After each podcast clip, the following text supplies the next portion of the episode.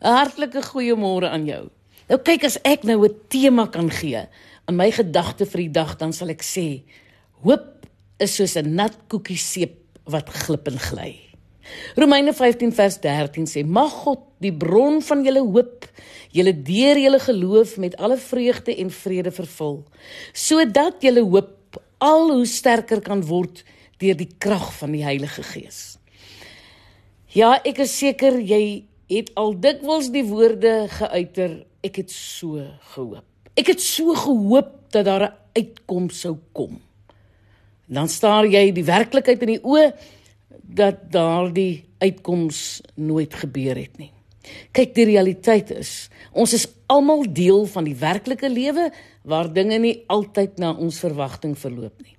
Ja, soms sê God net wag 'n bietjie en ons weet nie hoe lank ons moet wag nie tye wanneer God ja sê, wanneer ons 'n nee verwag het.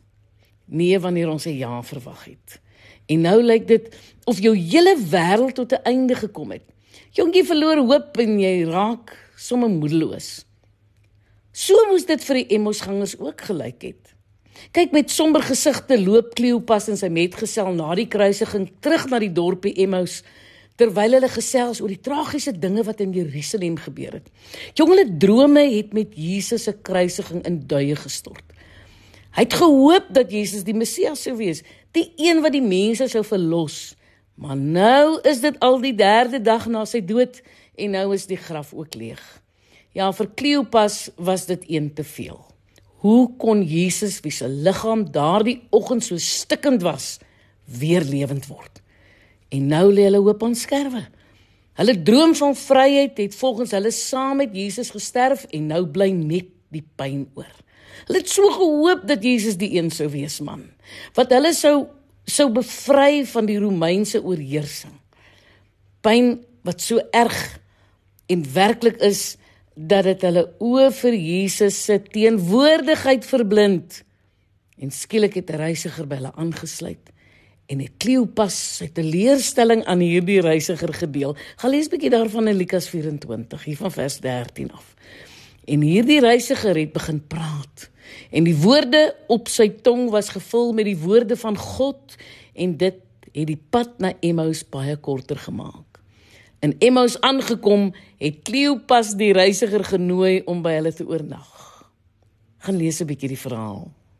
Het jy al radio geluister? En hy sê heeltemal op die stasie ingestel nie.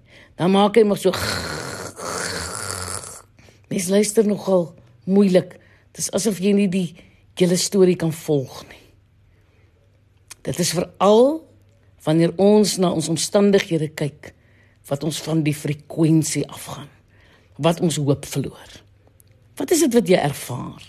Ja, baie mense staan vandag voor krisisse.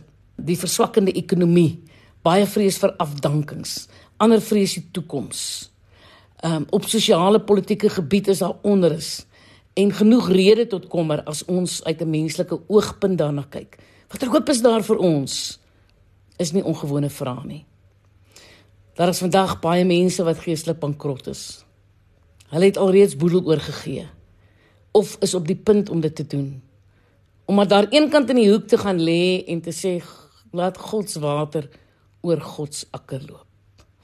Ek wil hê jy moet vandag besef dat God jou enigste hoop is. Wanneer jy nie in geloof en elke dag in gebed met God praat en jou herinner aan die wonderlike beloftes uit die woord nie dan gaan jou radio van frekwensie afgaan. Jy gaan nie God hoor nie want jy's nie ingestel op hom nie. En dan gaan jy ook hoop verloor en jy gaan ook moedeloos wees. Ek nooi jou vandag uit om die woord van die Here te glo wat sê dat hy jou enigste hoop is. Maar lewe met die kragtige Heilige Gees binne in jou wat jou in alle waarheid lei en wat met jou praat. Word 'n bietjie stil man, word stil sodat jy God se stem kan hoor. Ek is Lenet Beer vir Radio Kansel.